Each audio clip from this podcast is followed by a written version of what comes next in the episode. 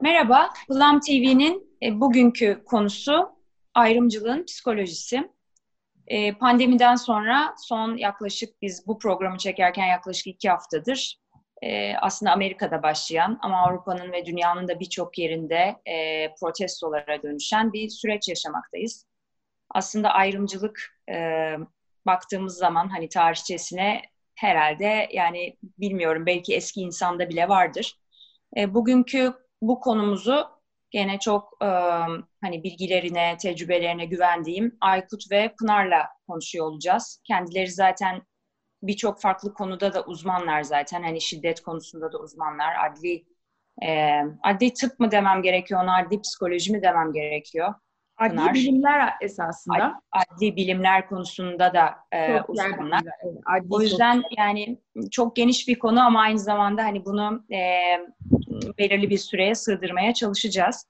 E, ben bu programa tabii bu konuya hazırlanırken e, yani tabii ki üstünden bir çalışma yaptım. Şu kavramlara baktım e, sevgili Pınar ve sevgili Aykut. Yani ayrımcılık ne demek? Hani bunların sözlük anlamlarını aslında hani insan kullanıyor ama ne demek ayrımcılık? Ayrımcılık haksız ve ön yargılı davranmak demekmiş. Tam sözlük motomot deyimini söylüyorum. Ön yargılı ne demek? Ön yargılı peşin hükümlü. Yani aslında bir şeyle, bir konuyla, bir kişiyle, bir durumla ilgili aslında kendi bilgisi olmadan, gerçeği bilmeden, duyduğundan, gördüğünden, edindiğinden veya kendine empoze edilenden onu benimseyip onunla ilerlemek. Haksız, hakka baktım. Hak, bireyin diğer insanların kendi hayatlarını yaşama şekline müdahale etmeden kendi yaşamına yön verme özgürlüğü olarak geçiyor. Aslında ne kadar güzel. Adalete baktım. Hak ve hukuka uygunluk, hak ve hukuku gözetme ve yerine getirme doğruluk olarak geçiyor. Doğru ne dedim? Doğru e, gerçek olan. Gerçek olan ne dedim?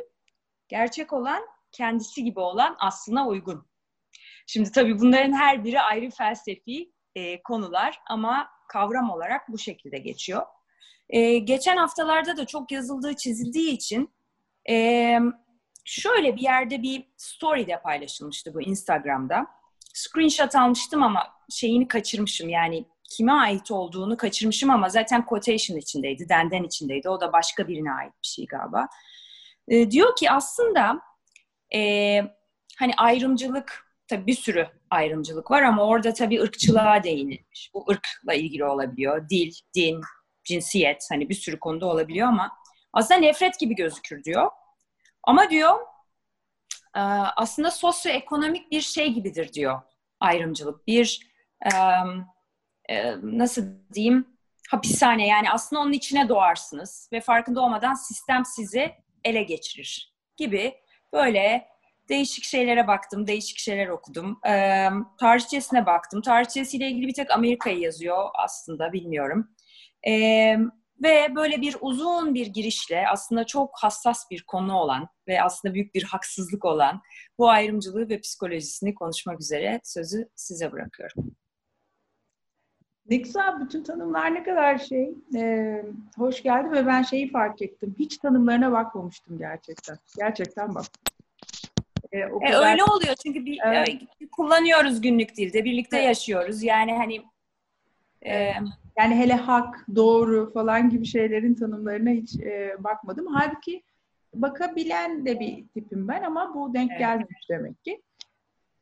Tabii orada doğru kendisi gibi olan ama doğru e, e, yani e, doğru tabii ya da gerçek, hakikat neyse işte maddi gerçek o biraz farklı bir şey. Çünkü herkesin bir subjektif gerçeklik meselesi var ya yani e, bir, bir adet gerçeğimiz yok esasında. Yani bir görünen bir e, işte o hukukta da öyle geçer. Maddi gerçek diye bir, bir şey vardır. Maddi gerçeklik gerçek bir tane olabilir ama e, aslında manevi birçok gerçeklikler içinde yaşıyoruz. E, kendimiz de öyle var oluyoruz. E, gruplarımız da dahil olduğumuz gruplarımız da öyle var oluyor. Belki bu böyle bu subjektif gerçeklik meselesinden bir parça ayrımcılığı anlamaya çalışırsak ya da İşte tabii bunları konuşmak çok ilginç. Yani e, anlayalım mı, anlaşıldı mı hiç? Yani anlayan var mı diye hani baktığımızda da hani çok da böyle e, bu da bu da böyle bir şey falan diye böyle bir hani e, evet orada bir laf söylenmişti. O doğrudur herhalde dediğimiz gibi tabii çok şeyler var ama hiç daha ben yani kendi adıma yaptığım okumalardan falan ha, bu, bu artık ya, hep araştırılan, her gün araştırılsa başka bir şey bulunan çok ilginç meseleler bunlar gerçekten. Ee, hem kişisel tarafı hem toplumsal tarafı çok dikkat çekici ve can yakıcı tabii. Yani onun içinde hala anlamaya ihtiyacımız var. Dolayısıyla e, bu konudaki e, çabamız bitmesin şöyle bit, bitsin keşke. Keşke e, araştırmamıza gerek kalmayacak şekilde olaylar azalsa ama galiba bu çok mümkün olmayacak. Yakın zamanda en azından çok mümkün olmayacak gibi duruyor. Şimdi demin yani e, bağlanmadan 3-5 dakika önce yine bir kadın cinayeti işte yolun ortasında pompalı tüfekle. Pompalı tüfekle. Evet, yani e, şimdi ayrımcılık başka bir şey ama hani hep bunların içindeyiz. Yani hep bu şiddet meselesiyle aslında çok yüz yüze, burun buruna yaşıyoruz. Ee, onun için e, neyi edeceğiz de biraz konuşmaya çalışacağız diye düşünüyorum. Artık ne dersin? Evet yani bu e, hem kadına yönelik şiddet hem çocuğa yönelik işte istismarın farklı biçimleri, e, aynı şekilde bu ayrımcılığın farklı görünüm biçimleri aslında üzerine böyle çok çok konuşulan, düşünülen meseleler. E, fakat bazen şunu düşünmeden alamıyorum kendimi. E, bu düşünmeler çözüme nedenli katkı sunuyor ya da bütün bu çalışmaların yaygınlığına, fazlalığına rağmen bu artış e, neden? E, böyle bu sorudan da çok kendimi alamıyorum bir yandan. Ben bunun sadece şey olduğunu düşünmüyorum. Yani bu insanlardan kaynaklanan değil. Bence hani o sistemin de aslında hani bilmediğimiz bir sistem var ya bir sosyoloji var, bir ekonomi var, bir para var, bir güç sistemi var. Ee, bunun araçlarından biri de olduğunu düşünüyorum ben bazı şeylerin tabii hayatta. Yani mesela Afrika'nın bir türlü gelişememesi. İşte bazı yerlerde olayların bir türlü bitememesi. Ondan sonra işte e, bazı şeyler çünkü o kadar kolay ki. Mesela silah niye yasaklanmıyor? Örneğin. Çok sade bir şey söylüyorum değil mi? Yasaklanmıyor silah. Hani biz bunun cevabını hani Yasaklansın çok güzel değil mi? Yasaklansın. Yasaklanmıyor. Biraz güç herhalde. Yani sosyopolitik şeyler de var işin içinde. Şimdi onlar tabii ki e, bizi aşan konular diye hmm. düşünüyorum. Hani biz burada çünkü politikacı olarak bulunmuyoruz ama bir gün belki onlarla da oturup konuşmak gerekir. Çünkü e, bunlar da aslında gücü elinde tutmanın yollarından biri bazı şeyler. E, ama hani e, şimdi biraz önce Pınar dedi ya ayrımcılığı şiddetten ayrı düşünemiyoruz. Hakikaten ayrımcılığı şiddetten ayrı düşünemiyoruz. Ve bugün apayrı bir konuyla ilgili daha felsefeyle alakalı bir metin okurken korkuya değiniyor orada. Korku diyor, sağlıklı korkudan bahsetmiyorum tabii. Yani korkarak ve kayıp, yani sürekli korkarak hareket etmek. Yani ya başımıza o gelirse, ya o bu olursa, ya şöyle olursa. Korkan insan ve korkuyu hani ön plana alan insan da tabii biraz e, ister istemez kendini nasıl diyeyim e, yani biraz aslında bilgisiz insan da korkuyu kullanıyor ve şiddete de yöneliyor korkan insan. Mesela neden korkan insan atıyorum? Rezil olmaktan korkan insan. Başkası ne der diye korkan insan. Hayatına sahip çıkamayan insan. Mesela korkan insan kendi ilkelerine sahip çıkmakta da zorlanır. Başkası ne diyecek diye bir sürü şeyi de yapamaz korkan insan. Ve bu hayatın içinde sürüklenip gider aslında hani daldan dala atlıyormuşuz gibi ama bunların hepsi içinde bence ayrımcılığın içinde e, ayrımcılık oluyor. Bir sürü insan e, bunu korktuğu için yapıyor. Mesela sosyal psikolojide bir araştırma vardır. Bir markette geçer. Çok detaylarını hatırlayamıyorum. Markete bir tane daha fakir gözüken yani gösterişli kıyafeti olmayan birini koyuyorlar. E, ve insanlar mesela ondan kaçıyor. Uzaklaşıyor ondan.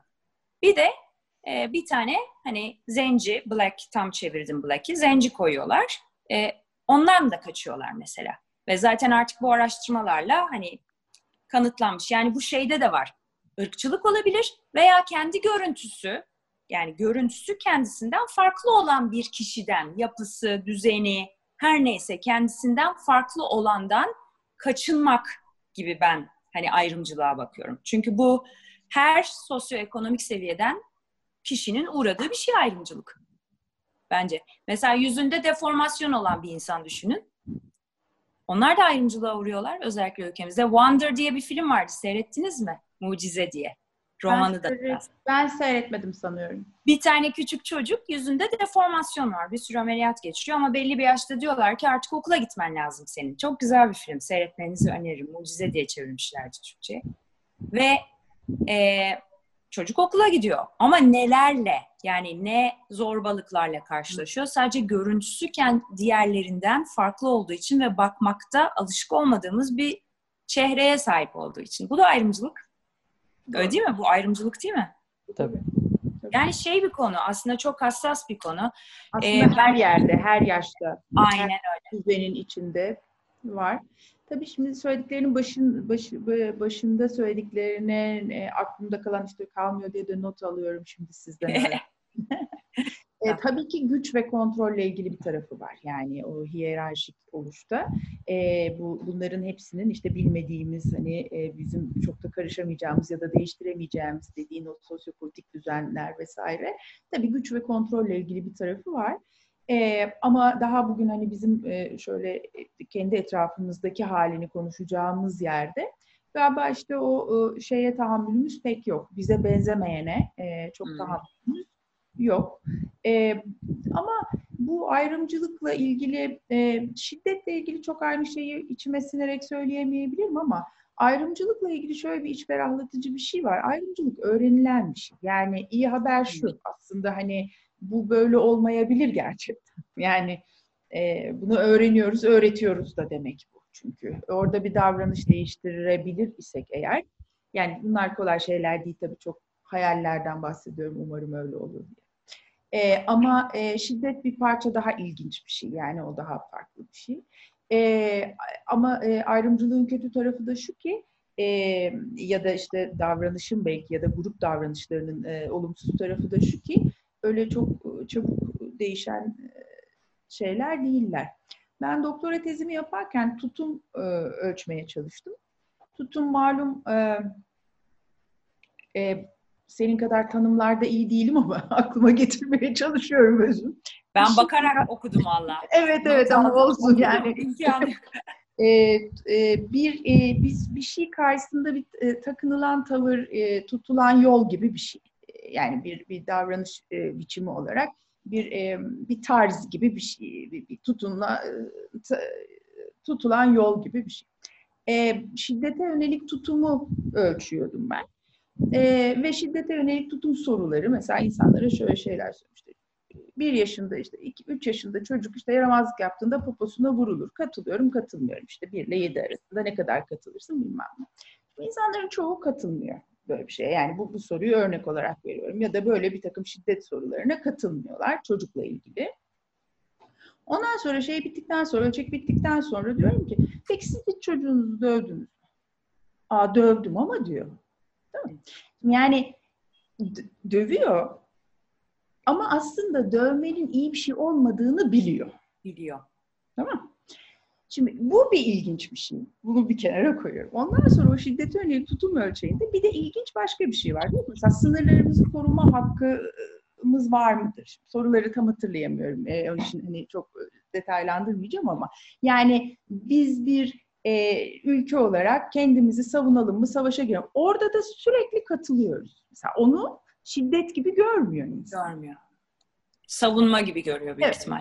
Evet. Yani o bizim hakkımız o bize saldıracağını hemen biz gidip ona saldıralım yani o bizim sınırımız falan gibi. Çok nadir yani ben çok büyük bir grupla çalışmadım çünkü benimki bir parça meşakkatli bir işti. Üç kuşak kadın bulduğum için yani onların hepsi yaşayacak. Tezinin konusu neydi Pınar? Pardon.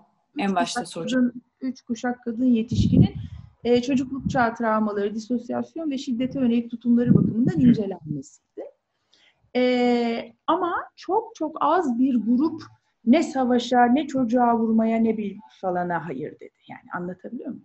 Genel olarak biz e, böyle büyüyoruz. Yani işte o bize saldırırsa biz de işte biz çok güçlüyüz, biz de ona saldırırız. Ondan sonra kişisel olarak yok yok vurmak doğru değil diyoruz ama kenara çekip çocuklarımızı sen de ona vursaydın bir tane diyebiliyoruz. Yani daha çok yenilerde e, bu e, otist, otizmli bir e, çocuğun annesine galiba değil mi bir okulda e, istemiyoruz sizi burada dediler filan. Yani böyle şeyler yapıyoruz ve çocuklar bunları görerek büyüyor. Ve tabii ki bütün bu şeyin e, bu e, şiddet ve e, ayrımcılık yani belli gruplara alınan tavırlar, onlarla ilgili düşünülenler, onlarla ilgili bunların hepsi evlerde e, konuşuluyor, aktarılıyor ve öyle davrandıklarını ve öyle düşündüklerini gören çocuk e, özdeşleşiyor o anneyle babayla falan. Ve e, ondan sonra da e, eğer bir kişilik psikopatolojisi de var ise çok rahatlıkla şiddet uygulayan ya da işte bunları ortada rahatça söyleyebilen bir insan haline gelebiliyor gerçekten. Ondan sonra bu insanlar şeylerde zorlanmıyorlar. Zaten dünyanın hiçbir yerinde zorlanmıyorlar. Yani bizim bize ait bir şey değil. E, kendilerine uygun bir grubu bulmakta hiç zorlanmıyorlar. Yani onlar hemen bir araya geliyorlar. Hani dışarıdan bakıldığında ne saçma bir şey yani sırf bunun için bir araya gelmiş olamazlar herhalde filan diye düşünebileceğiniz herhangi gruplar gayet güzel kendilerini sürdürme, yaşama, bir hakikaten bir amaç çevresinde toplanma. İşte orada bir sürü e, dinamikler ve belirleyiciler var tabii ki.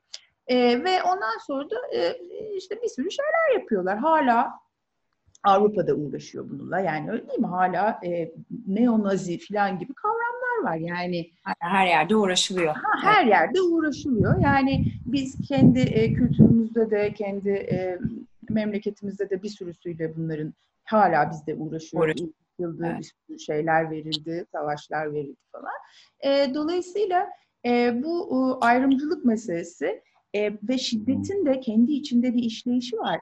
E, yani o kendinden güçsüz birini özellikle e, şiddete uğrayanlar kendinden güçsüz birini gördüğünde çok rahatlıkla şiddet uygulayan haline gelebiliyorlar.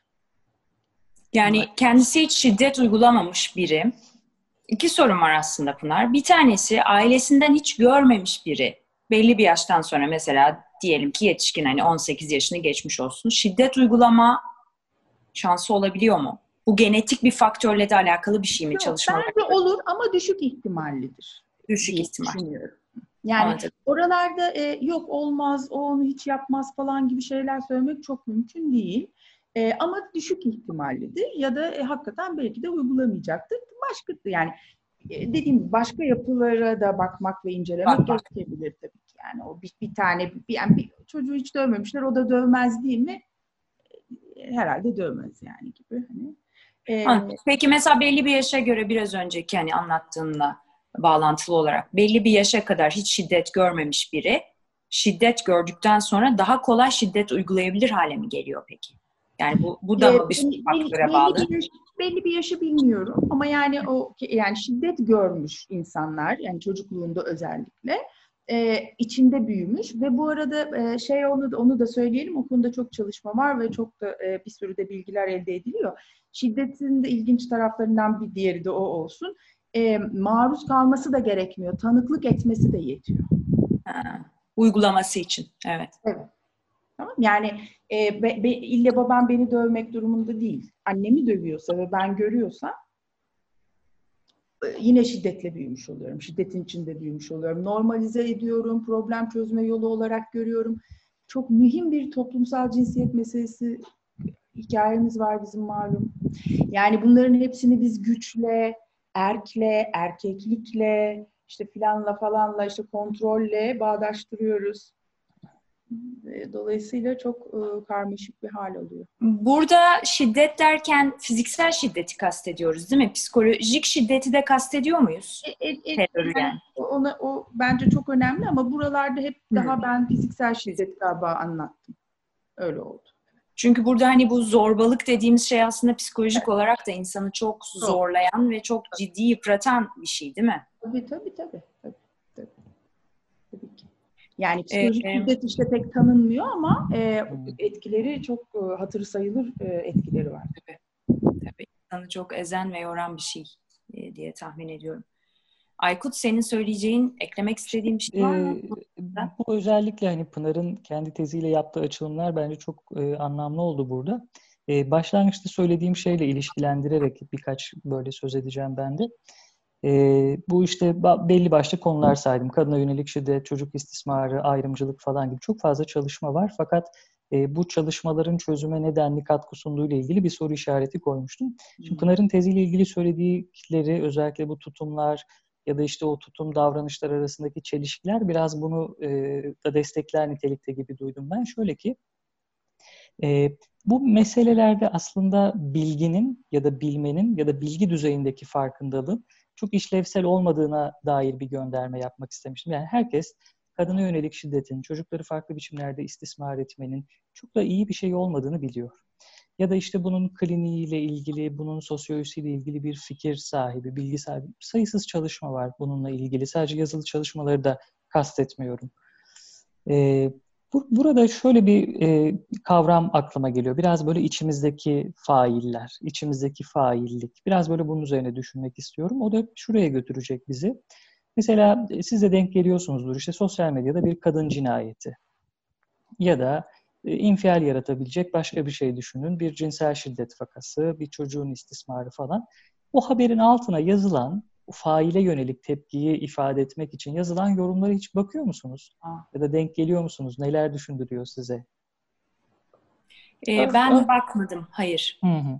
Örneğin e, işte eşine diyelim ki işte şiddet uygulamış ya da öldürmüş bir fail için işte bunları alacaksın, bunları işte etek giydireceksin, bunları şöyle gezdireceksin, işte e, işte bunu benim elime verecekler ki işte ben buna neler yapacağım falan gibi sayısız kadın ya da erkek, genç ya da yaşlı fark etmeksizin herkesin e, olaya tepki göstermek üzere o içindeki faili aslında nasıl e, ortaya döktüğünü görüyoruz. E, şimdi benim master tezim evlilik içi şiddet e, hakkındaydı. E, doktorda evlilik çocuk... şiddet. Evet, evlilik içi şiddet hakkında çalışmıştım. Doktorda da çocukluk çağı travmaları ile kişilik bozuklukları arasındaki ilişkiyi incelemiştim. Çok kısaca, özetle söyleyeyim. Çok uzunca bir başlığı var. Ee, öğrenciler falan da çok fazla soruyor. İşte bu kadına yönelik şiddet nasıl önlenecek? Yapılan bir sürü çalışma var falan. Benim naçizane görüşüm şu. Bugünkü e, böyle sözlerimi de biraz bu temel ekseninde yapılandıracağım e, herhangi bir işte kadına yönelik şiddet, ayrımcılık ya da çocuk istismarı her neyse bu gibi toplumsal olaylarla e, mücadele etmenin yolu bence önce kendi içimizdeki faille yüzleşmekten geçiyor. Yani o az evvel gönderme yaptığım yorumları düşünürseniz değil mi? Herkes aslında o işte mağdura işte bir e, eş duyum kuruyor, işte merhamet ediyor ve ona karşı duyduğu eş duyumla birlikte sarf ediyor o sözleri. Ama dikkat ederseniz en az o fail kadar yani Şimdi. eyleme dökülmüş bir şeyden tabii söz etmiyoruz. Belki orada bir düşlemsel bir şey var ama en az o failin eylemi kadar çiğ bir e, malzemenin olduğunu görürüz. Belki de fırsatını bulduğunda eyleme dökülebilecek en az onun kadar riskli, tehlikeli e, düşlemler e, görüyoruz. Şöyle özetliyorum. Hatta geçen bir, bir arkadaşla da böyle sohbet ederken hani iyi insan kimdir, kötü insan kimdir falan diye. Ben şöyle bir tanım yaptım. Burada sizinle de paylaşmış olayım. Yani iyi insan bence herhangi bir meselede içindeki faili bir ötekine yüklemeden, bir ötekinin içine yerleştirmeden, bir ötekine yansıtmadan e, bununla yüzleşebilen ve içindeki bu failliği dönüştürebilen kişilerdir iyi insanlar. Bu ötekinin içine yerleştirmek, ötekine yansıtmak bizi biraz e, ayrımcılık e, konularına da getirecek. Yani iler, konuşmanın ilerleyen bölümlerinde zaman zaman e, buraya da referansta bulunacağım. Yani mesele sadece bilgi değil. Kadına yönelik şiddetin yaygınlığını, ayrımcılığın yaygınlığını bilmek, işte bu kişilerin ruhsal yapılanması hakkında fikir sahibi olmak, bunlar da çok kıymetli. Yabana attığım düşünülmesin sakın. Fakat önceliğin ben o içimizdeki faili fark etmek ve onunla yüzleşmek olduğunu düşünüyorum. Yani evet şimdi seni dinlerken şeyi düşündüm. Hani bu e, e, Gandhi'nin hani böyle şiddete şiddetle karşılık vererek hani hiçbir şey aslında halledemezsiniz. Yani hani aslında bunları bitirmenin yolu bir noktada aslında barışçıl bir yolla ilerlemek. Onu düşündüm. Yani o içindeki fail derken e, biz öfkelendiğimiz, bizi üzen veya çok sinirlendiğimiz veya kızdığımız her neyse bir durumda aslında kendi tutumumuza bir dönüp bakmamız ve onu dönüştürmemizden bahsediyorsun değil mi? Doğru anlamışım. Kesinlikle, kesinlikle öyle. Çok ee, güzel özetledin. Evet, tabii yani bu... Pardon. Lütfen Pınar sen söyle. Benzer bir şey Aykut'u dinlerken şey de, de, de akma ya da seyirci kalmak. Hı hı. Evet. Değil mi? Yani ya o içimizdeki hakikaten işte failin zincirlerini şey yapmak, kırmak hani beni benim elime verecekler ki bak ben ona ne yapacağım falan. Ee, işte yeter artık durum değil mi? Hakikaten çok ortalık yıkılıyor. Yani nasıl bu memlekette böyle bir şiddet olur diye düşünüyor insan. Yani onları okuduğumda gerçekten öyle değil mi? Yani herkes çok bilinçli, herkes çok öfkeli, herkesin çok canı yanmış falan gibi geliyor. Ee, hakikaten o da başka bir şiddet e, söylemi oluyor. Tabii yani öyle bir şey çıkıyor ortaya. Ee, her ne kadar mağduru korumak için olduğu için hoş görülse de aslında öyle değil. Ee, bir de tabii seyirci kalmakta e, bence iştirak etmek yani. Evet. Tabii şöyle bir paradoksu da barındırıyor e, içerisinde. Az önce işte bir şiddet uygulamış bir erkek fail düşünelim. Mesela ona yazılan bir yorumda bir erkek diyor ki buna etek giydireceksin diyor. Yani aslında onun içindeki o kadın düşmanlığını da e, görüyorsunuz. Çok tuhaf da bir paradoks var. Evet. E, yani bir aşağılama var. Için, evet. evet. Bir aşağılama var yani orada. Onu soracaktım. Yani bu dünyanın her yerinde aynı. Bu e, eve kapanma süreci bütün dünyada devreye girdiğinde e, İngiltere yani birkaç yerde de okudum ama benim aklımda kalan Türkiye'de ve İngiltere'de ev hane içi şiddetin arttığına dair bir gazete haberi. E, ve hani bu artabilir daha da hani bununla ilgili önlem almamız diye. Şimdi bu dünyanın her yerinde aynı. Yani bunları ben artık ayırmıyorum. Gördüğümüz zaman ki medeni yerler var nispeten, gelişmiş yerler var. Ama şimdi gelişmiş yer diyorsunuz, yaşanılan olaylara bakın yani. Hani siz uzmanısınız konunun daha iyi değerlendirebilirsiniz ama ben mesela gelişmiş diyorum. Ne diyorum? Hani okuma yazma oranına bakıyorsun. Ne bileyim. İşte neye bakmak lazım artık gelişmişlik seviyesi olarak onu da bilememeye başladım yani hakikaten. Çünkü e, farklı şekillerde gelişmemiş olduğunu görüyoruz farklı yerlerin. Neyse şeyi diyecektim. Bu kadın Acaba biyolojik de bir şey de mi var bunun? Yani bu kadına hani çok yani güçle alakalı bir şey mi bu yoksa Saldırgan, varoluşla alakalı? Saldırganlıkla alakalı var. Yani saldırganlıkla ilgili ne çalışma yapılırsa yapılsın cinsiyette hmm. erkekler hormonal anlamda e, her zaman daha saldırgan çıkıyor. Yani o e, hakikaten biyolojik belirlenme bir bir şey. Öyle değil mi Aykut? Ee... Saldırganlıktan kastımız ne Pınar? Yani bir, bir şeye uğradıklarında fiziksel olarak tepki vermeleri anlamında mı saldırganlık? Evet. yani hormonal e, hormonal çalışmalar e, hani şu an doğrudan referans verebileceğim aklıma gelmiyor ama hani bununla epey çalışma okudum. E, hani kocaman bir toplumsal cinsiyet tarafı da var. Tabii en azından hani bu şiddetin ifade bulma biçiminin, şiddete ilişkin tutumların toplumsal cinsiyetten kaynaklanan e, bazı tarafları da var. Ama e, o testosteronun hakikaten şiddet eylemleriyle ilgili böyle bir korelasyonun olduğu da e, biliniyor. Kadın erkek diye bakıldığında yani kadınlar hep daha gibi. Evet. Yani istatistikler de bununla ilgili. Hani biz bu istatistiklerin büyük bir kısmını toplumsal cinsiyetle ilgili yani örneğin e, kadının şiddetle ilgili davranışlarının çok kabul görmediği, çok küçük yaşlardan itibaren e, bunun uygun olmadığı doğrularıyla büyütüldüğünü düşünürsek bu da çok e, anlamlı. Ama bir yandan da o testosteronun da e, çok böyle e, nasıl diyelim bir korelasyonu olduğu da biliniyor. Şuna e, indirgemek e, gibi de olmasın. Belki hani öyle de duyulabilir gibi de endişe ettim bir yandan. Hani bütün o şiddet meselesini buraya indirgediğimizde düşünülmesin izleyiciler açısından belki konuya biraz daha uzak olanlar hani tamam hani hormonal ve işte biyolojik bir e, mesele ve değiştirilemez gibi düşünülmesin e, o hormonu e, vücudunda barındırdığı halde en azından bununla ilgili bir farkındalığı olan, işte şiddeti eyleme dökmeyen, dönüştürmeye çalışan, az önceki söylediğimdeki o failiyle yüzleşen e, birçok da erkek de var evet. aslında. Birçok erkek ve birçok kadın. Birçok kadın. Doğru. Ya da tersi ya da tersi ekleyeyim. Ee, birçok kadının da şiddet uygulayıcısı olduğunu da biliyoruz. Kocaya da yani. Tabii.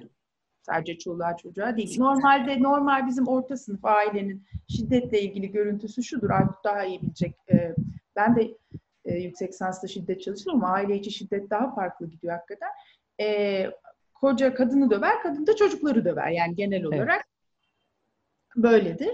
Ee, onun için hani ama bunun tersine işleyişlerde yani kocalığı babasını döven kadınlar, işte annesini babasını döven kadınlar bilmem Yani buralarda işte sadece yüksek olan sayıları söylemekteyiz. Yani yoksa hani sırf böyle, sırf şöyle gibi algılanmaması hmm. lazım. Doğru bir yere değil. E, hatta şunu da eklemek isterim. Ben mesela bu tezin yani master tezinin sonrasında vardığım nokta şuydu. Aslında hani evet biz belki de yaygın bir halk sağlığı sorunu olduğu için kadına yönelik şiddet olarak isimlendiriyoruz ama e, bence cinsiyetten de çok bağımsız bir şeyden söz ediyoruz. Yani güç, yani Pınar'ın verdiği örnek o yüzden çok kıymetli. Güç eşitsizliğinin olduğu her yerde şiddet var. Erkekten kadına, kadından erkeğe, kadından çocuğa, erkekten çocuğa falan gibi. Hatta şöyle bir varsayımım da var. Ee, mesela erkek şiddetinin bu denli yaygın olmasının sebeplerinden e, en önemlisi belki fiziksel güç üstünlüğü. Bir diğeri e, bir diğeri sosyoekonomik, sosyopolitik meseleler. Diyelim ki biyolojik ve kültürel evrim e, mevcut akışının tam tersi işlese.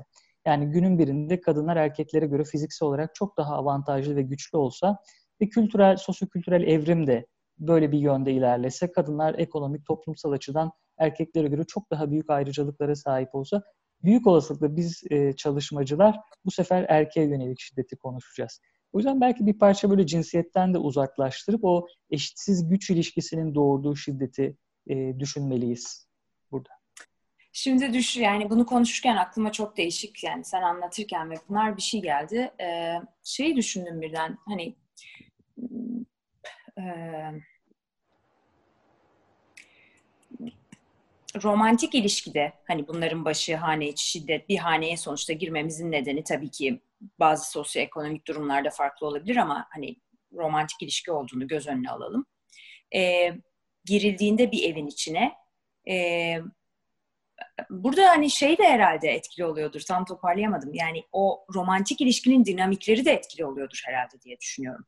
Çünkü hangi sohbetteydi? Pınar senle ve Aykut senle olan bir sohbette miydi? Karışabilir kusura bakmayın. Hani Hı-hı. bu birbirine şiddet uygulayıp sonra cinsellik yaşayan, hani cinsellik sohbetindeydi galiba. Çiftler de çok var ya hani Hı-hı. aralarında öyle bir ilişki var ya birbirlerini dövüyorlar, patlatıyorlar, kafalarını vuruyorlar ama sonra inanılmaz öyle bir atıyorum seks hayatları da var. Yani birçok dinamik anladığım kadarıyla bir araya geliyor değil mi? Yani bunu çok sade Kesinlikle. bir şekilde bizim anlama, çözme, iyileştirme şansımız yokmuş gibi geliyor bana.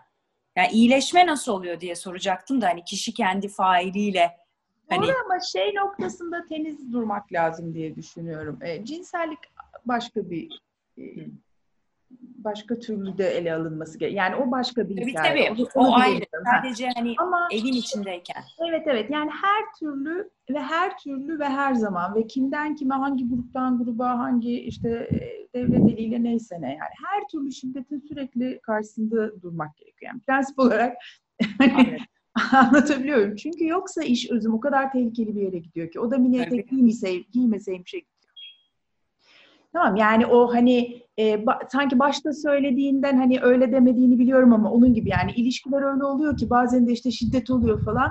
Yine de o davranışı yapan sorumlu ve onun karşısında olmalı. Ben hane içindekini kastetmiştim. Anlıyorum. Dışarıdakini değil. Hani kendi Anladım. içlerinde olan kavgaları var ya çiftlerin. Ama zaten işte o hane ama. içinde o çocuklar, o hane, öbür hane işte o birimizin travması, hepimizin travması hikayesi. Hı hı. Yo, çok doğru bir noktaya geldi işte. Yani bunun hiçbir hani sizin e, cinsellik yaşantınıza iyi geliyor olsa bile iyi bir şey değil yani bu. Belki bir tane e, dizi, dizi seyretmiştim. O kadar e, çok etkilendim ben ondan. E, böyle dediğin gibi cinselliği, şiddet birbirlerine vura döve ve ondan sonra da daha işte haz da aldıkları filan. Şehvette, evet. Evet. E, ve kadın olan e, eş e, terapiste gidiyor ve terapist her anlattığında terapist sürekli diyor ki safe house'un var mı? Hmm. Kadın diyor ki öyle bir şey değil. Anlamıyorsun sen. Yani biz biz öyle bir şey yapmıyoruz. Yani o beni dövmüyor. O beni seviyor. Evet. Terapist sürekli diyor ki güvenli bir yerin var mı? Çocukları alıp gidebileceğin yani herhangi bir günde çocukları alıp gidebileceğin güvenli bir yerin var. E, ve ondan sonra dizide şeyi görüyoruz. E, o çocuklardan birinin okulda da gidip zorbalık yaptığını falan. Yani o kadar güzel işlenmiş ki hani e, baktığında iki insan yahu birbirini dövüyor mu, seviyor mu, ne yapıyorsa yapıyor filan gibi göreceğimiz şey maalesef öyle kalmıyor. E, tabii ki yani bu her şeyde geçerli dediğin gibi. Yani bu psikolojide nasılsa bir annenin bir babanın birbirine tutumunu görüp çocuk nasıl uyguluyorsa diğerini de görüp aynısını örnek alacaktır. Evet. Aslında çok düz mantık yani bu. Hani bu evet. şey değil. Ve yani evet. geçen sefer bir parça konuştuğumuz gibi hani o insanlar hakikaten gelip çok iyi niyetle ve çok öyle de e, yapmaya çalıştıklarından da benim hiç şüphem yok. Biz onun yanında hiç kavga etmiyoruz diyor. Önemli ya kavga ediyor musunuz etmiyor musunuz yani önemli olduğunu. Çünkü o tonu çocuk biliyor yani o onun ona bakışını falan görüyor yani gibi. Bir şey söylemek istedim e, bu özümün söylediğiyle ilgili. E, bu hatırlatma kesinlikle çok iyi Pınar. Çünkü özellikle böyle hani şiddeti meşrulaştıracak tutumlarla ilgili riskli bir tarafı var. Hani onu kastetmesek de burada. Özümün söylediği zihnimde şöyle bir pencere de açtı benim. Ee, özellikle bu hani iki temel içgüdüsel dürtü olan cinsellik ve saldırganlığın böyle bir füzyona uğradığı bir alanı sanki e, kastediyor gibi. Evet yani o cinsel ve saldırgan dürtülerin böyle bir füzyona uğradığı, belki daha böyle işte sadistik, mazohistik, hani bu BDSM ilişkiler falan e, böyle biraz daha ilişkinin kliniğine dair hani bütün bu tartıştığımız evet. hani şiddetin toplumsal ya da işte hukuki, psikososyal tarafının dışında sanki böyle bir tarafına da gönderme yapıyor. E, belki başka bir zaman konuşuruz özüm ama bu da çok böyle e, değerli Konuştum, bir nokta. Tabii yani burada zaten genelde hani bu tip şeylerde kadın erkek birbirine herkes şiddet uyguluyor. Yani hani bir tarafın birine yaptığı bir şey değil. Hani birlikte Hmm. Ee, güzel bir güzel bir noktaya getirdin. Sadist ve mazoşist bir ara karışıyor yani gerçekten. Evet. E işte şey gibi Pınar dedin ya şiddeti uygulayan, şiddete maruz kalan kendi de daha kolay yapıyor. Hani bir süre sonra zaten hani onu artık değişik bir mekanizma. Bir madalyon ben, gibi ya. O mazo, mazoizm evet. e, ve evet. sadizm ya da işte mağdur olmak ya da fail olmak. Fail olmak. Madalyonun iki yüzü gibi yani. Doğru. Değil mi? Şimdi bu e, hani ayrımcılığa bakınca ve bu olan olaylara e, hani hani nasıl olabilir böyle bir şey diyoruz ya yani nasıl olabilir yani nasıl nasıl olabilir? E, geçen gün ben de geçen hafta galiba bir haber okudum. Gene ülkemizle alakalı bir töre cinayeti işleniliyor küçük hmm. bir kız çocuğuyla alakalı ve e, şimdi abisi yani şimdi bu erken hani bu aslında çok zor bir şey ya bu. Yani şimdi bir erkek olması buna inandığı ve yapması gerektiği yani burada herkes aslında güç durumunda kalıyor. Cinayeti işleyen detay vermiyor. Hüngür hüngür ağlaya ağlaya gidiyor bir süre sonra itiraf ediyor. Şimdi aslında bunlar e, korkunç şeyler ve dediğiniz gibi hani önüne bir, bir şekilde ge- geçilmesi hani yani nasıl bir çare bulunur bilmiyoruz. Çok uzun yüzyıllardır olan şeyler bir şekilde düzeni sağlamaya yönelik şeyler aslında bunlar bir noktada bakıldığında. Ee, sözde ilerleme kaydedilmiş konular ki eskiye kıyasla kaydedilmiştir, kaydedilmemiştir bilmiyorum. Yani hani kaydedilen bir kısmı da var. Ee, belki e, merdiven altına inmiş başka bir kısmı da var. Ben artık hani hiçbir şeyden emin olamıyorum son zamanlardaki olayları gördükçe. Ee, bu bu tip şeyleri yapan insanlar hani mutsuz mu insanlar mı acaba? Yani bunun bir mutsuzlukla, hayat tatminsizliğiyle bir alakası var mı? Yani Özel ayrımcılık yapanlar, zorbalık yapanlar, şiddet uygulayanlar, e, kendi hayatlarında özel, özel olarak töre töre şeyinden bahsetmiyorsun yani genel olarak bir şey. Genel olarak yani şeyi söylemeye çalışıyorum. Onu ayrı parantez olarak söyledim. Yani aslında herkes bir şekilde e, o sistemin içine kapılıp gidiyor da olabilir bir sürü kişi de. Yani biz orada bilinç ne kadar var ne kadar yok. Hani herkes belli bir bilinç düzeyinde değil ki insanlar herkes kendi kaç kişi kendi hayatını yaşayabiliyor ki kaç kişi biz kendi etrafımızdan biliyoruz sosyoekonomik düzeyi iyi olan, eğitimli olan, boşanamayan insanlar var. Bakın boşanmaktan bahsediyorum. Çok sade bir işlemden. Ve, ve bir de ve yani bunu... pardon ne olur lafını kestim. Yok hani bunu şu anlamda söyledim. Yani bu öyle sinsi de bir sistem ki aynı zamanda. Hani bu insanların aslında hani geçen gün bir arkadaşımla konuşuyordum. Başka biri ona demiş ki ben boşanmış kadın olmak istemiyorum. Bakın boşanmış kadın. Boşanmış kadın ayrımcılık aslında orada. Yani onu ayırmak. Ee, ve hani boşanmış kadın olmak istemiyorum demekle ben boşanmak istemiyorum demek arasında fark var. O yüzden bunun üzerinde duruyorum. Ben ailemi korumak istiyorum. Birlikte olduğum adamı seviyorum. Şimdi konu budaklandı şuna getirecektim. Bunun kişinin kendi varoluşunun yani kendisiyle barışması, Aykut'un deyimiyle kendiyle yüzleşmesi hem katilleriyle hem cellatlarıyla hem kendisiyle hem e, içindeki eksiklikleri giderebilmesi, bir dönüp kendisine bakmasıyla veya bakmaması, bakmamış olmasıyla bir alakası var mı? Bence çok alakası var tabii ki. Yani bir de söylediğine minik bir şey eklemek isterim. Ee, bu şehir ortamlarında töre cinayetleri söz konusu olduğunda orada başka da bir e, sosyolojik e, bir, bir, bir örüntüler var. Yani şehir ortamında bile e, demin verdiğin o ben boşanmış kadın olmak istemiyorum ne kadar zorlayıcı değil mi böyle bir şey? E, küçük ve kapalı toplumlarda e, şey olma hayır diyemez. Yani, evet. yani gideceksin şunu şöyle yapacaksın. Başka türlü bir yaşamı yok. Yani başka yok. türlü bir yaşam evet. alanı yok söz konusu değil. Böyle de çok örnekler var yani o e, işte git sen de kardeşini evet. öldür. Yok ben öldüremem. Öldüreceksin. O zaman ben seni öldüreyim falan. Yani, yani. kadar evet, öyle şeyler oluyor. Ee, Aykut ben atladım yine. Seni derken şunu düşündüm. Şimdi tabii ki konu oradan oraya gidiyor. Şimdi bu hani ilk girişte bu hak, hukuk, adaleti konuştuk ya. Aslında hani bir hak, hukuk, adalet var. Aslında bir de ailelerin kendi hakları, hukukları, adaletleri var. Yani o ufak sosyal sistemlerin ki aile bunun en ufağıdır ya hani aslında.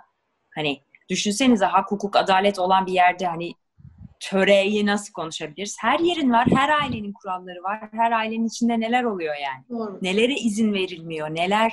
Yani, yani kendi içinde bir böyle adaleti sağlama mekanizması gibi duruyor olsa da tabii öyle bir şey çok söz konusu değil. Bir de tabii 2020 yılında öyle olmuyor yani. İşte daha e, yani e, e, zaten bunun için bir takım kurumlar ortaya çıkmış ve işlerliği olan kurumlar bunlar falan. E, buralarda artık başka işte dediğim gibi başka bir şey öğretiyoruz. Yani biz bunu böyle yapıyoruz, biz bunu böyle hallediyoruz filan. Bir keresinde bana bir danışan şey demişti. E, Amerika'da yaşıyordu. E, bizim öyle ilginç de bir tarafımız da var hakikaten. E, belki her kültürde var ama ben bizi bildiğim için e, işte orada e, şeye de bir parça hassaslar ya yani bu kadına vurmayacaksın bilmem ne filan hani. E, işte barın birinde gelmişler ve tutuklamışlar bayağı işte Amerikan polisi de malum tutuklarken hakikaten işte kaburga kırmaktan evet. yani işte şey yapmaya kadar e, bir sürü e, arzı e, anlatırken diyor ki adam da bana bizim burada olsa diyor koçum ne senin yanındaki kıza mı baktı? İyi etmişsin der diyor polis diyor. Sırtımızı sıvazlar gider diyor. Yani şiddete yaklaşım biçiminde bir de bir şeyimiz de yok bizim. E, ayrımcılığa yaklaşımda da yok. Yani bizim de bizim de içimizden öyle geçiyorsa biz o zaman o şiddet göstereni onaylıyoruz. Yani ne meslekte ne şeyde olursak olalım. Bu mesela e, işte bunların hepsi bence buna katılma eyleme katılma iştirak et Tabii kuralsızlık oluyor o zaman ister istemez. O zaman hoşgörü oluyor. O zaman uygun olmuyor tabii evet. yani. E, e, hassas konular tabii yani Önlemek şimdi... mümkün olmuyor yani. Evet. İnsanın hani e, toplum içinde yaşarken kendini tabii güvenli hissetmesi çok önemli. E, özellikle hani biriyle de bir evin içine girdiğinde güvenli hissetmesi çok önemli. Veya nasıl düşüneyim mesela şimdi ben hani bu konuyu konuşacağımız için de biraz düşündüm. Mesela atıyorum e, nasıl diyeyim e, bizim kültürümüzde daha farklı olanlar mesela evdedir daha çok. Engelliler evdedir bizde. Yüzünde deformasyon olanlar evdedir. E, atıyorum e, nasıl diyeyim e, transvesti olabilir, transseksüel olabilir. Bunlarla hani evdedir yani veya belirli zamanlarda dışarı çıkarlar hani homoseksüellik son zamanlarda çok şükür daha hoş görülen ve saygı duyulan bir şeye dönüştü. Yani biz eskiden hani hani onlar da çok risk altındalardı. Hani Dönersen Islık Çal diye bir film vardı çok eskilerin ben onu çok iyi hatırlarım mesela. Yani her ülke tabii evrimini geçiyor. Hani sonuçta Amerikalıların da Brokeback Mountain var. Orada da bir homoseksüeli gidip öldürüyorlar. Yani bu her yerde olabilecek bir şey. Her yerde var. Çok insani bir şey olduğunu e, fark ediyorum ben son zamanlarda bu ırkçılığın ama farklı şekillerde yani ırkçılık derken ayrımcılığın diyeyim. İnsan belki hani e, kendisi de yapar. Kimin sözüydü ya? Aykut sen bilirsin Aykut biliyor sözleri. Bir insanın gerçek karakteri kendisine aslında e, e, nasıl diyeyim yani bir beklentisi olmayan ona bir fayda sağlamayacak kişiye olan tutumuyla belli olur. Sözü diye bir söz ama e, sözü evet. tanıdım ama müellifini e, hatırlayamadım. Yazarlardan biri olması lazım. Meşhur. Buluruz. Yani ha, hakikaten ha. o kadar ha? Güzelmiş, evet. evet. Ya hakikaten o kadar önemli bir şey ki yani sen sokaktaki insana nasıl davranıyorsun? Yani bizim hani bu her yerde var çünkü işte sosyal psikolojik bir deney bu. Daha fakir gözüken insandan kaçınmak, uzağa gitmek ondan. Onu tehdit olarak görmek. Yani bu insanın e, öğrenmesi o zaman değil mi? Bu doğamız değil yani bizim böyle. Yok, yok, yok, yok. yok. İşte iyi haber o. Ama yani tabii... iyi haber o. iyi Doğaya haber. dönüş. Ha yani hani öğreniyoruz bunları dur o zaman öğrenmeyelim gibi hani basitmiş gibi geliyor işte e, bir takım e, böyle insan kendi kendine düşünürken aslında olmayacak bir şey de değil falan gibi böyle fanteziler e, kurabiliyor ama e, öyle olmuyor. E, şiddet bir de e, galiba e, yani artıyor da bu ara değil mi? Yani bu ara dediğim bu son 10 yıldır falan hani böyle bütün dünyada yine böyle bir yani dönem dönem de böyle e, daha e, çok e, ilginç bir seyri var. Yani çok hakikaten ilginç bir seyri var. Herhalde üzerinde en çok çalışılan, en çok yani uluslararası alanda da bir sürü yani yazılanların, çizilenlerin haddi hesabı yok. Raporlar, raporlar, önlemler, gruplar, inisiyatifler neler neler oluşuyor. Fakat mümkün değil. Ayrımcılık da öyle. Yani e, ayrımcılıkla ilgili herhalde en çok yayın Amerika'dan çıkıyordur yani herhalde. Herhalde öyledir yani. Önlemlerin hayata geçememesinin bir nedeni var mı? Bildiğiniz bir nedeni. Pratiğe dönüşememesinin. Ya, özel konularda bir takım nedenler biliyorum ama e, genel olarak e, ya bir kere insanlar utanıyor, bir kere insanlar sonucunun ne olacağını bilmiyor. Bir yere bir başvuruda bulunursanız bir şeyle ilgili ondan sonra orada siz daha da zarar görebilecek bir hale geliyorsunuz bazen. Tamam mı? Yani e, bu mesela eskiden de öyleydi. Eskiden daha çok öyleydi. Şimdi yeni yeni mesela o e, mesela örnek e, komşuda kavga olduğunu gidip öbür komşu haber vermez bizde. Yani adet üzere öyledir. Öyle değil mi? Halbuki verilmelidir. Tabii verilmeli olur mu? Yani ya da işte mahallenin e, bir tane de böyle ne yapalım işte göstermecisi vardır. O arada açıp böyle paltosunu işte öyle gelene geçene kendi vücudunu teşhir eder. E canım o bizim deli filan. Halbuki fişlenmesi gerekir. Yani anlatabiliyor muyum? Hani çünkü yani bu yani şiddet nerede varsa orada e, bir suç oluşuyor esasında. Bir suistimal de var orada aslında anladığım kadarıyla. Şimdi Şiddetin ben, olduğu yer. Bir kere ben böyle camdan bir, bir böyle bir manzara e, bir tane herhalde böyle bir delirium geçiriyordu adam. Kendi yerlere atıyor, küfür ediyor, paramedikler var filan. Tutmaya çalışıyorlar. Hakikaten çok çaba sarf ettiler. Böyle bir 10-15 dakika geçti. Fakat adamda bir, bir hal var yani bir şart var ki ya bir madde etkisi altında ya da bir e, psikiyatrik bir e, durum zaten herhalde söz konusu falan. Velhasıl en son paramedikler dövdü adam. Şimdi, ne yaptı? Dövdü. Vurdular yani ben gördüm. Gerçekten. Çünkü küfür etti o onlara. Hmm. Ve öfkesine hakim olamadı. Yani önce bir biri birine dur bir dakika yapma filan diyor. Ondan sonra işte senin de filan deyince o da bir tane vuruyor. Yani ben de bu camdan bakıyorum.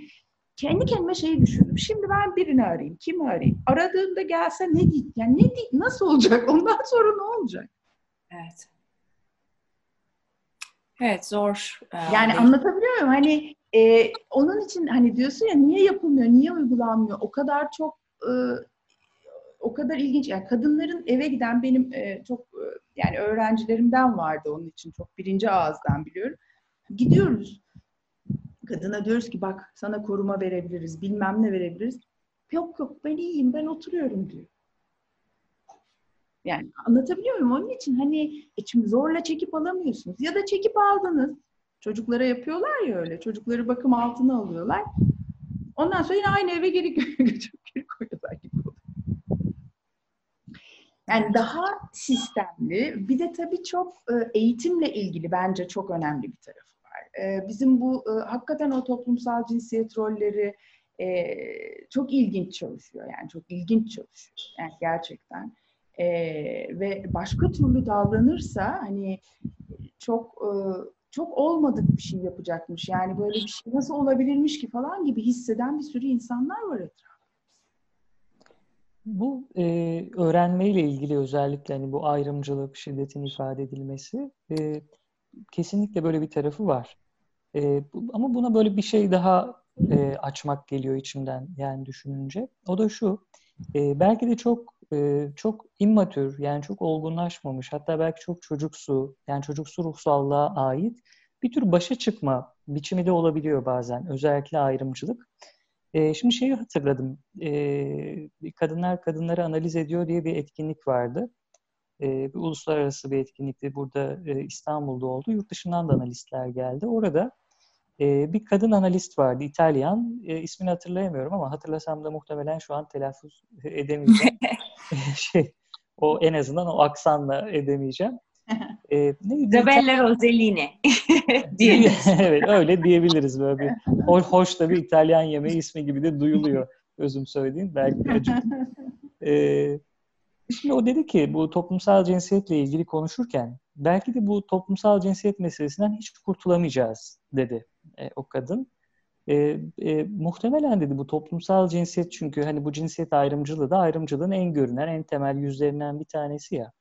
E, çocuk olmanın e, ve aynı zamanda hem kız hem de oğlan olamamanın yarattığı travmayla baş etmek için e, böyle o çocuğun bulduğu bir çıkış yolu gibi düşündüğünü söylemişti. Yani Hı. hem çocuk olmanın ve onun işte getirdiği belki de o eksikliğin, zorluğun, dezavantajlı pozisyonun ve aynı zamanda da belki hani böyle detaylıca başka bir tartışmanın konusu ama hem oğlan hem de kız olamamanın aynı anda. Ee, hani o işte ruhsal bir seksüelite, sonra oradan çıkış, böyle bir cinsiyet kimliğiyle özdeşleşim süreçlerinden söz ediyorum. Bunun yarattığı travmayla, örselenmeyle baş etmek için hani ben oğlan çocuğuyum, sen kız çocuğusun, ben bunu yaparım, sen onu yapamazsın falan gibi aslında ayrımcılıkların, ayrımların o zamandan bir çıkış yolu olarak e, başladı ve daha sonra işte aile içerisinde, eğitim sistemi içerisinde ve toplumun diğer bileşenleriyle pekiştirilerek, öğretilerek günümüze kadar geldiğinden söz etmişti. Ve benim toplumsal cinsiyete dair duyduğum şimdiye kadar en anlamlı e, yorumlardan bir tanesiydi. E, bu e, aklıma şunları da getiriyor beraberinde. Şimdi az önce o içimizdeki faillerden söz ettik ya. E, bu ayrımcılığı şöyle isimlendirebiliriz. Belki bir tür öteki korkusu gibi. Yani ötekine yönelik bir takım fobik reaksiyonlar gibi de düşünebiliriz ayrımcılığı. Ve aklıma şu geliyor. Aslında hepimizin içinde bir öteki var. Yani hepimizin bir ötekisi var. Yani bu kimimiz için kadın, kimimiz için bir eşcinsel, kimimiz için yaşlı, çocuk, e, ne bileyim başka bir dezavantajlı aklınıza ne geliyorsa belki hayvan. Ama hepimizin içinde fırsatını bulduğunda bazen düşlemde yer alan, fırsatını bulduğunda eyleme dökülen çok geniş bir spektrum düşünebiliriz burada. Yani e, işte dalga geçmek, şaka yapmak, alaya almaktan e, öldürücü eylemlere kadar böyle geniş bir spektrumda yer alan bir öteki var hepimizin içerisinde. Mesela e, eşcinselliği düşünelim tamam mı? Bu LGBT bireylerin maruz kaldıkları şiddet ve benzer durumları düşünelim. Şimdi bir kişi e, şunu söyleyebilir. Yani ben e, işte heteroseksüelim. Hani işte straight deniyor galiba. Ben straight bir bireyim, heteroseksüelim ve e, iki işte e, hem cinsin birbiriyle kurduğu duygusal cinsel yakınlık bana çok çekici gelmiyor. E, beni uyarmıyor. Ya işte cinsel olarak böyle bir uyarıcılığı yok. Hatta bazen böyle hoşuma da gitmediğini söyleyebilirim cinsel açıdan. Yani uyarılma düzeyimi düşürüyor falan diyebilir. Bence bunda hiçbir beis yok. E, bu bir homofobi olarak da düşünülemez e, bana kalırsa. Ama şimdi bu, burada bırakmayıp bunun böyle birkaç adım ötesine taşıdığınızda bu meseleyi işte eşcinsellik hastalıktır, eşcinselliğin önüne geçilmelidir, işte bu bir ahlaksızlıktır, işte falan filan. Yani buralara taşıdığınızda olayı ben artık şunu düşünmeye başlıyorum sizin için. Bu sadece eşcinsellikle ilgili bir, bir mesele değil. Ya da şuraya da böyle bir yani basit bir formülasyon da olsun istemem. Ha kendi içerisindeki o eşcinsel tarafı e, işte bastırıyor ve ötekine yansıtıyor. Bu duyduğu rahatsızlık buradan kaynaklanıyor gibi böyle çok e, ilk akla gelen formülasyon üzerinden de düşünmek istemem. Böyle bir tarafı da var ama eşcinselin, eşcinselliğin e, gerek öznel gerek toplumsal konumunun, pozisyonunun temsil ettiği ve o kişi de çağrıştırdığı bir şeylerle ilgili bir, bir tür rahatsızlık var diye düşünmeye başlarım. Ve o rahatsızlığı kendi içerisinde yani kendisinin o kısmıyla yüzleşemediği için onu bir ötekinin içerisine, bir eşcinsel e, eşcinselin içerisine yerleştirip bir süre sonra ondan korkmaya başlıyor. Aslında kendi e, geçen hani bir sohbetimizde de geçti. Hani üzerine böyle çok belki detaylandıramamıştık ama burada tekrar aklıma geliyor. E, böyle e, bizim hani daha psikanalitik literatürde yansıtmalı özdeşim dediğimiz bir tür savunma mekanizması. Yani kendi Tabii. içerisinde evet yani o kabul etmediği, işte yüzleşemediği o kötü parçayı, eksik parçayı ötekinin ruhsallığına yerleştirip bir süre sonra ondan korkmaya başlıyor.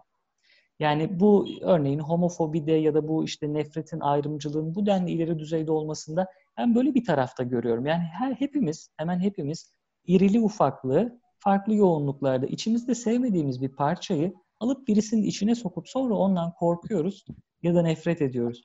Mesela e, kendi hayatınızdan bile düşünebilirsiniz. Böyle hiç sevmediğiniz, çok eleştirdiğiniz, sürekli kulp bulduğunuz falan, çok bunun için zihinsel mesai harcadığınız kişileri düşünün ve yakından bakın muhakkak kendinizden e, bir parça görürsünüz. E, ben böyle son zamanlarda Emin Alper'in filmlerine sardım. Çok başarılı bir yönetmen. E, Tepenin Ardı diye e, bir filmi var. Mesela bu mekanizmayı bilmiyorum Emin Bey bu filmi çekerken hani projektif identifikasyondan haberdar mıydı ama bu kadar e, yani başka başka türlü anlatılamazdı herhalde. Evet. E, hatta ötekiler, bu işte o ötekiler meselesi ne kadar güzel orada değil mi? Yani çok. Bunlar yapmıştı yani. Değil mi? Ne Kesinlikle kadar... yani e, ben hatta bu pandemi falan olmasa hani sınav yapabilsek e, öğrencilerime o filmden final yapacaktım. Evet. E, ama olmadı ne yazık ki ama izlemelerini yine de istedim. Evet. Yani oradaki o öteki meselesinin o kadar iyi işlendiğini görüyorsunuz ki hani spoiler sayılır mı bilmiyorum ama hoş e, çok da öyle bir spoiler yok. bir tarafı evet. yok. E, aslında o başlarına gelen bütün o kötülüklerin ötekinden geldiğini varsaydıkları, ötekinin içine yerleştirmeye çalıştıkları kötünün nasıl kendi meseleleri olduğunu çok iyi anlatmış bir film. Çok.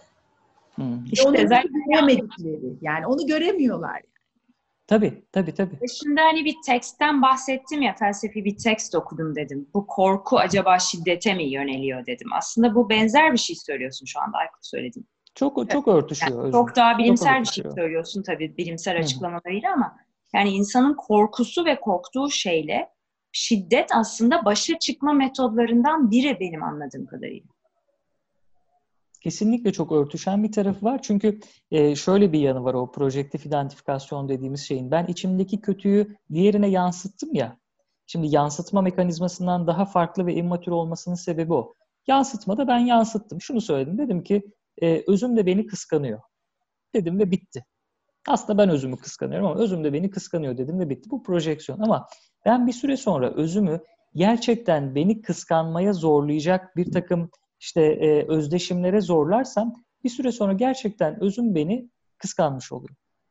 E, yani özüm de benim o projeksiyonlarımla, yansıtmalarımla özdeşleşmiş oluyor. Ve ben sonra diyorum ki bak gördün mü? Bütün mesele aslında bende değil, o işte tepenin ardındakiymiş, ötekindekiymiş, ötekindekindeymiş. Evet, Ve dolayısıyla yani... ondan gelecek zarara karşı, çünkü ona iç, onun içine bir kötü soktum ya, o kötü tekrardan bana gelecek.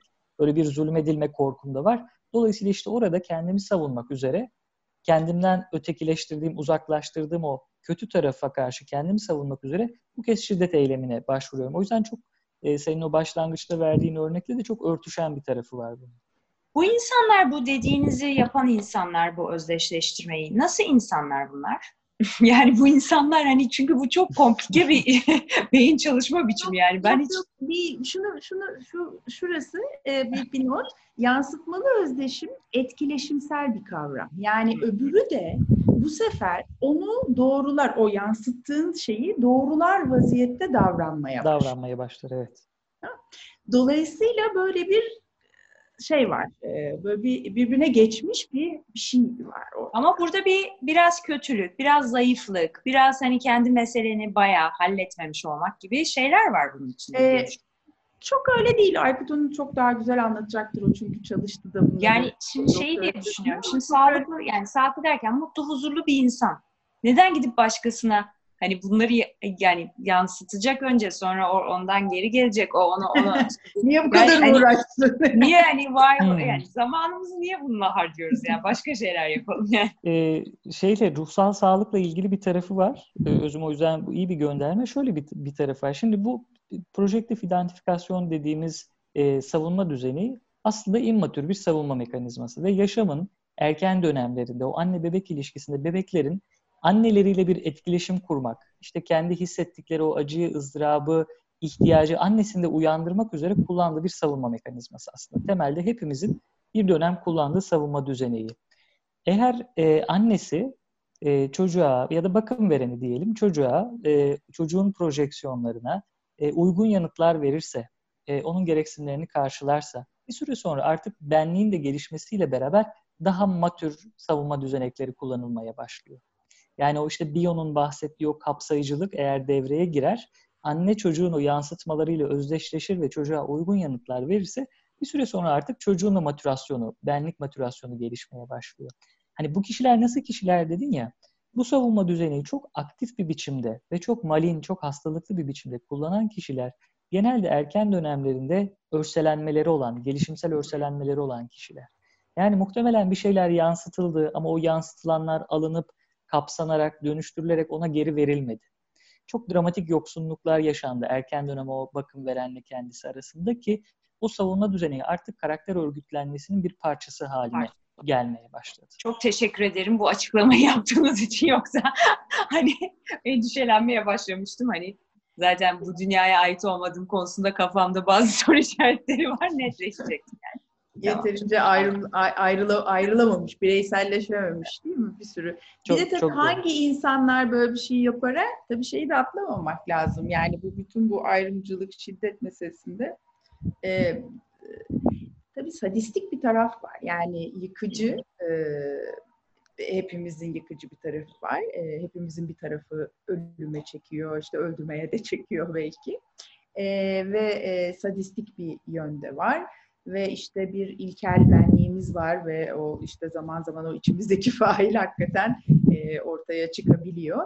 E, ve bir şeyleri de e, hani işte o kişilik bu belli bazı kişilik bozukluklarını da orada belki hatır sayılır bir etkisi olduğunu e, atlamamak gerekiyor.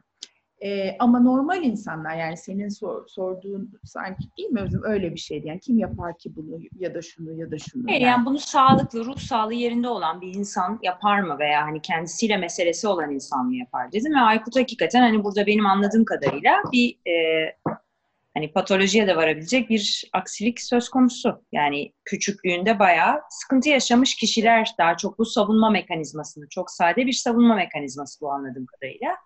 Ve hani örselenmiş dedin. Küçüklüğünde o ilk bağı kurduğu, ilk e, ona e, bakan kişiyle yaşadığı e, ilişkideki sıkıntıların önemli bir etkisi olduğunu anlıyorum yaşadıklarını. Doğru Ve mu anladım? E, çok doğru Özüm. E, ve bunun beraberinde getirdiği az önce hani Pınar'ın da ona dair bir göndermesi oldu onu yakaladım. E, onu vurgulamak istedim tekrardan. Aslında bu nedenlerle bu işte gelişimsel erken dönem örselenmeleri nedeniyle hani bu savunma düzeninin artık bir karakter e, parçası olduğunu ve o e, benlik matürasyonunun bir parça sekteye uğradığından söz ettik. Bu beraberinde kişiler arası ilişkilerdeki sınırların da e, ortadan kalkmasını ya da muğlaklaşmasını da beraberinde getiriyor. Ha, Çünkü, işte e, geldik e, Hakka.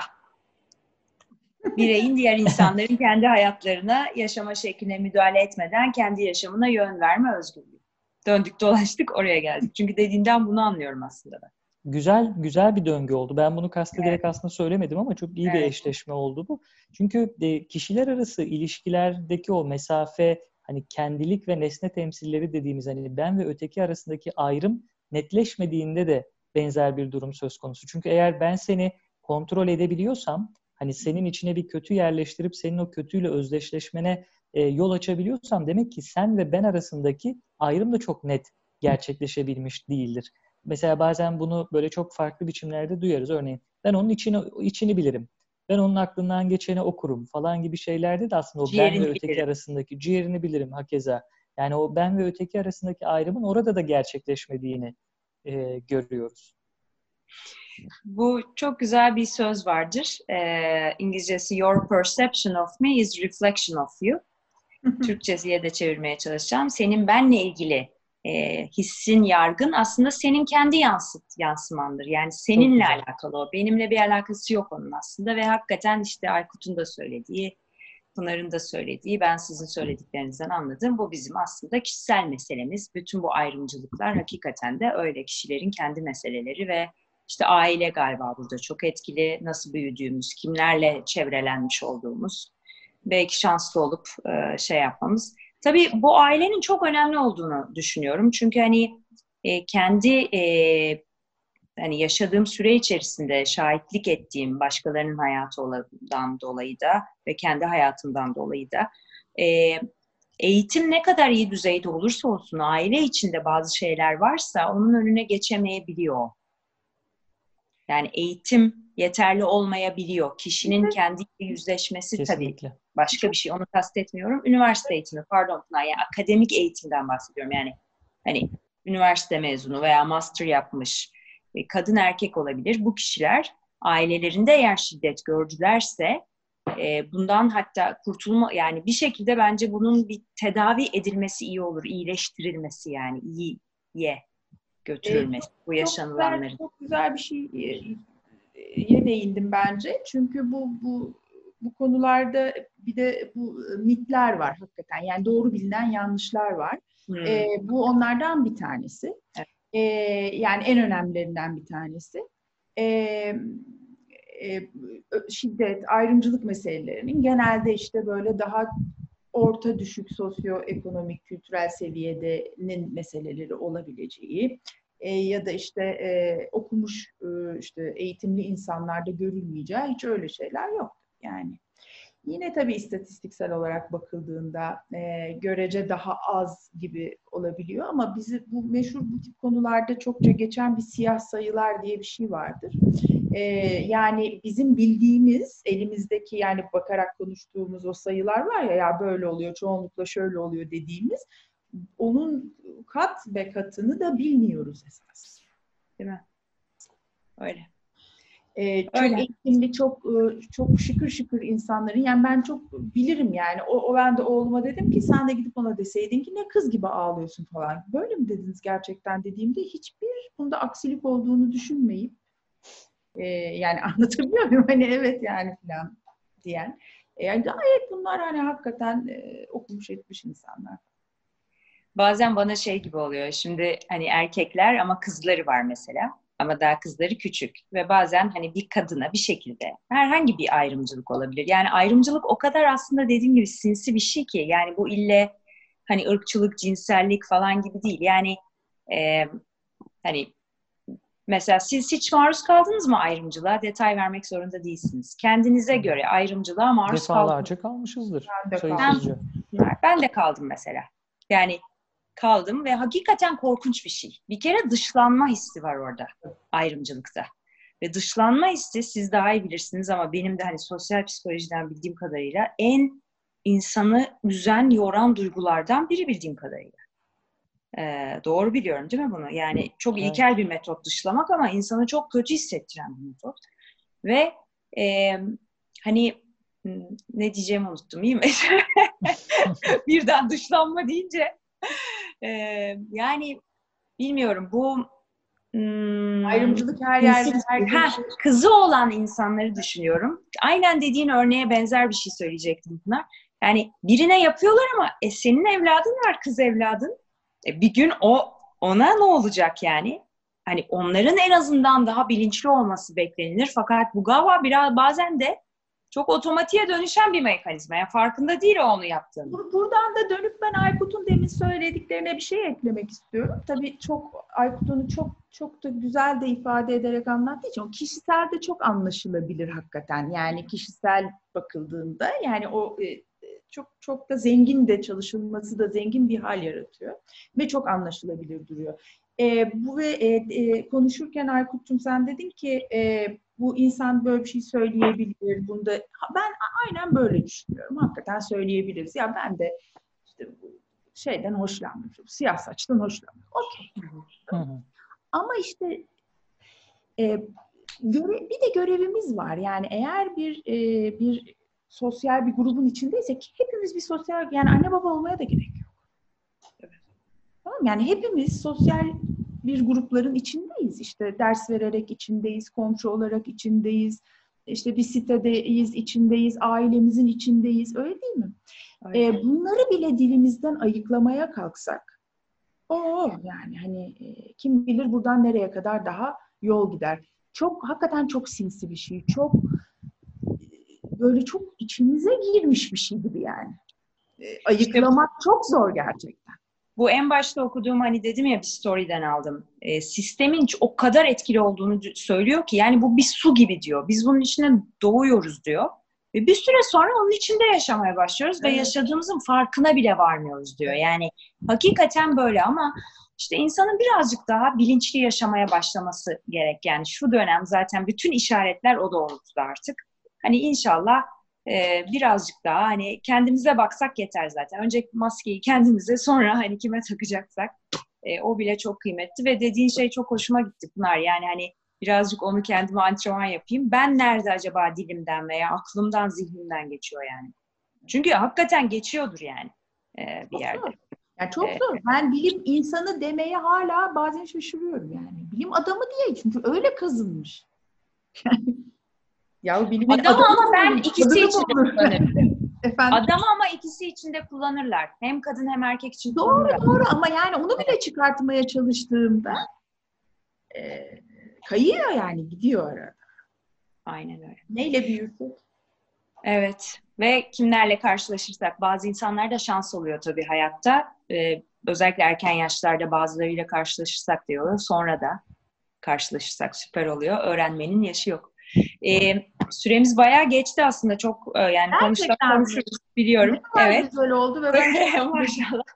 evet o yüzden hani çok gene güzel yani çok önemli bilgiler paylaştınız. Ee, sadece bu seferlik için son olarak söylemek istediğiniz şeyler var mı veya önerileriniz var mı?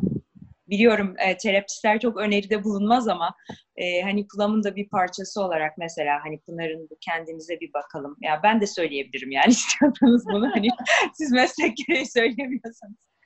Geçen gün çok yakın arkadaşım diyor ki bana hani benim de böyle şeyim vardır hani e, eğitimci değilim hiç eğitim yapmadım ama bugün gene kimi eğittin hani bu böyle yapıldı. Bunun bana bu şekilde yapılmaması gerekiyor gibi böyle.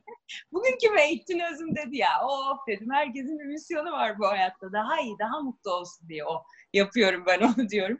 Dalga geçiyorlar benimle ama olsun. Bence bunlar önemli şeyler. Birilerinden de duymak gerekiyor. Ben sizden duyuyorum, işte o benden duyuyor, ötekisi ötekisinden duyuyor. Çünkü ee, insan kendine söyleyince olmuyor. Antrenörün söylemesi daha kıymetli. O yüzden önerileriniz varsa lütfen alayım. Bu konu çok hassas bir konu. Bence herkesin biraz benim, yol benim dilek, dileklerim var. Yani dileklerini e, alayım. Ha yani işte böyle hakikaten ayrımcılığın olmadığı şiddetsiz bir dünya. Bazen de düşünüyorum acaba var mı ya böyle bir şey? Bu da çok mu böyle ütopik hani böyle şimdi distopik, ütopik falan gibi böyle şeyler de çekiliyor, yapılıyor falan ya. Bu da aslında acaba olmayacak bir şey mi diye. Yok ama gerçekten bunu dileyebilirim. Bunu merak da ediyorum hakikaten. Yani gerçekten saf böyle bir şeye ulaşsak nasıl olur? Ee, bu çok ilginç de geliyor bana. Ee, onun için en iyi dileklerimi sunuyorum. Elimizden, dilimizden mümkün olduğunca uzaklaştıralım. Ee, hakikaten evet, herkes çok e, önemli. Kendi, kendi kapısının önünü bir süpürsün bakalım. Ee, en azından birilerimiz başlayalım. Birimiz, bir, bir kişi bile çok önemli bence. Evet, insanların e, bence seni dinlerken şu aklıma geldi mesela hani insanların giyimlerine, makyajlarına, kuşamlarına bakıp onları etiketlemek var ya mesela. O da çok aslında çok yapılan ister istemez bir mekanizma. Biraz artık kendimizle ilgilenelim ya biz. Yani dışarıda kim ne yapıyor değil de hani ben ne yapıyorum ya, ben ne yapıyorum yani. Hani bu çok önemli bence. Ee, bunlara gülümseyebiliriz. Yani aman bu ne biçim bilmem ne giymiş. Gülümseyebiliriz yani hani. Öyle değil mi? O da onun isteği. Yani kim bir kimseye zarar vermediği müddetçe, kimsenin özgürlüğünü kısıtlamadığı müddetçe evet. onun hakkı zaten o yani aslında. Biz Ay, kim değil mi yani ne haddimize? Ee, Pınar'ın dileklerine yürekten katılıyorum. Ee, ben de böyle bir dünyayı arzu ediyorum en azından. Ee, aklıma şu da geldi. Son iki küçük şeye değinip ben hani son sözlerimi böyle tamamlamak istiyorum. Ee, Einstein'la Freud'un arasında bir mektuplaşma oluyor bu işte savaş döneminde e, Freud'un düşüncelerini soruyor Einstein. Yani ne olacak bu gidişat, nereye varacak falan gibi. Hani Freud da belki biraz böyle pesimist duyulabilir ama haklı bir yerden. Hani bu şiddetin e, insan var olduğu sürece bir biçimde var olabileceğini e, söylüyor. Evet bu bizim dileğimiz ama bir yandan da böyle bir gerçeklikle de yaşayacağız. E, bugünkü böyle söylediklerimin bir özeti olarak hani sizler de değindiniz farklı biçimlerde. Bir aksiyon almadan önce belki önce dönüp kendimize, kendi içimizdeki faile, kendi içimizdeki ötekiye bakmanın e, iyi olacağını düşünüyorum ve e, ne şiddet, ne ayrımcılık bunlarla mücadelenin ben böyle çok büyük ve mucizevi hareketlerle değil, aslında çok küçük, çok basit, çok sıradan. Hani Pınar da söyledi, bazen kendi dilimizi ayıklayarak e, gerçekleşebileceğini düşünüyorum. Çok büyük mu- mucizeler beklemeye gerek yok. E, bir araba ilanıyla karşılaştım. E, bir ikinci el alışveriş işte aplikasyonu ismini vermeyeyim bilmiyorum isim verebiliyor muyuz ama e, şeyin hani reklam olur mu olmaz mı neyse böyle bir aplikasyonda e, bir araba ilanının başlığı kocaman işte kız gibi bilmem hangi model araba e, arabanın modeli buydu. E, mesela ben bunu doğrudan e, mail attım e, o firmaya ve dedim ki hani her şeyi denetliyorsunuz ama dedim yani burada sözüm ona o arabanın temizliğine, yeniliğine yapılan göndermenin aslında kadın cinayetlerine varana dek o kadına yönelik şiddeti besleyen e, bir söz olduğunu nasıl hani fark edemezsiniz? Bunu nasıl gözden kaçırırsınız diye böyle bir mail attım. Sonra o ilan kaldırıldı. E, ve böyle böyle böyle böyle mücadele edeceğiz aslında. Çok küçük, çok basit gibi görünen eylemlerle en azından kendi evimizin, etrafımızın önünü süpüreceğiz e, diyelim e, ve teşekkür ederim ben bugünkü yayın için. Özüm çok güzel sorulardı. Pınar çok güzel çağrışımlar, çok güzel ben açıklamalar. Ben çok keyif aldım.